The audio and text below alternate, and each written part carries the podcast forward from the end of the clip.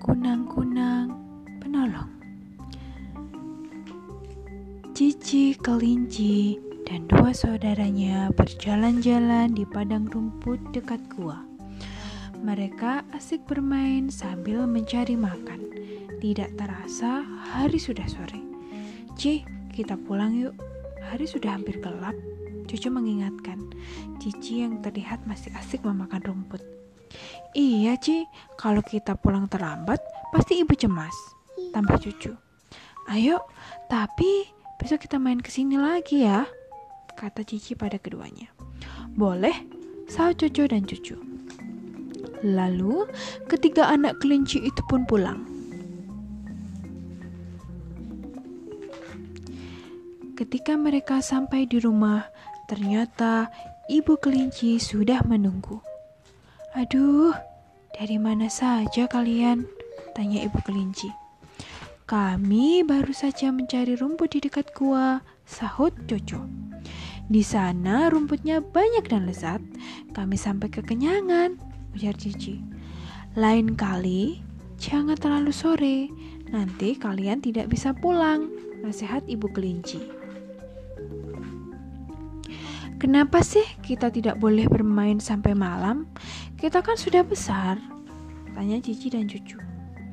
Kalau malam gelap, Ci, kita tidak bisa melihat dengan jelas, sahut Cucu.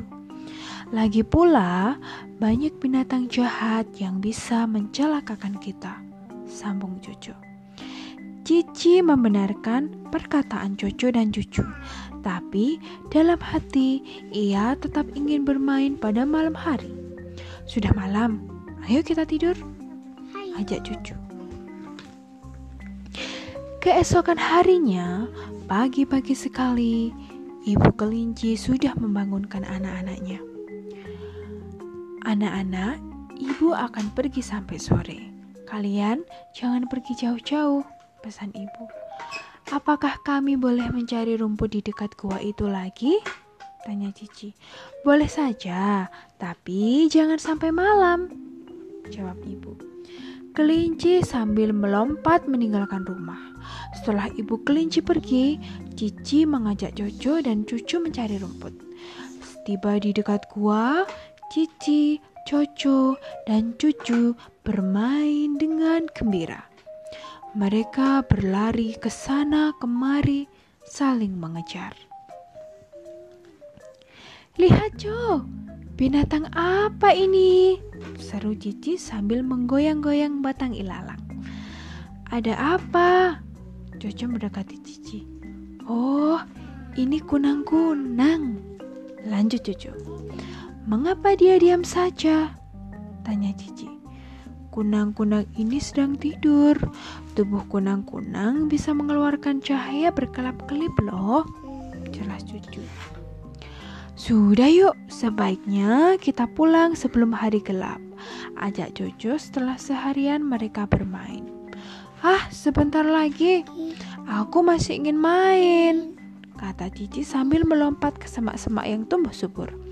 Saat itu, Cici kembali melihat seekor kunang-kunang yang sedang tidur. Iya. Hei pemalas, bangun! Ujar Cici sambil menggoyang batang ilalang dengan keras. Aduh, kenapa sih? Kamu mengganggu kami. Teriak kunang-kunang yang jatuh dari batang ilalang tempatnya hinggap. Kalian ini memang binatang pemalas. Dari tadi kerjanya cuma tidur. Ledek Cici. Siapa bilang kami pemalas? Sebentar lagi kami akan mencari makan. Kami biasa bekerja pada malam hari. Sungut kunang-kunang. Cici tidak menghiraukan perkataan kunang-kunang. Ia pergi begitu saja untuk mencari saudaranya. Ketika ia kembali ke tempat Coco dan Cucu, Ternyata mereka sudah tidak ada. Cici mulai ketakutan. Sementara di rumah, ibu kelinci menunggu de di depan dengan gelisah. Sesekali ia melihat ke jalan yang ada di depan rumah. Ketika mendengar suara Coco dan Cucu, ibu kelinci bergegas keluar menyambut mereka. Aduh, dari mana saja kalian? Mana Cici? Tanya ibu. Loh, Cici belum pulang ya? Tadi Cici mencari rumput sendirian. Aku dan cucu disuruh menunggu, tapi karena lama, akhirnya Cici kami tinggal. Jelas cucu.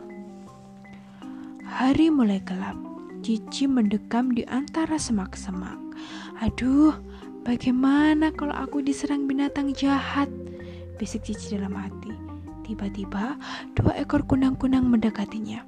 Hei, kamu, kelinci yang jahat, yang mengganggu kan? Tanya seekor kunang-kunang. Kenapa kamu tidak pulang? Tanya kunang-kunang yang lain. Aku takut pulang. Apa kalian mau mengantarku? Pinta Cici. Jangan mau teman, biarkan saja kelinci jahat itu sendirian. Ayo kita pergi. Seru kunang-kunang yang tadi diganggu Cici. Tunggu, aku mengaku salah. Maafkan sikapku tadi, tapi tolong jangan tinggalkan aku sendirian pinta Cici memelas. Baiklah, ayo kami antar pulang. Jawab kunang-kunang yang merasa kasihan.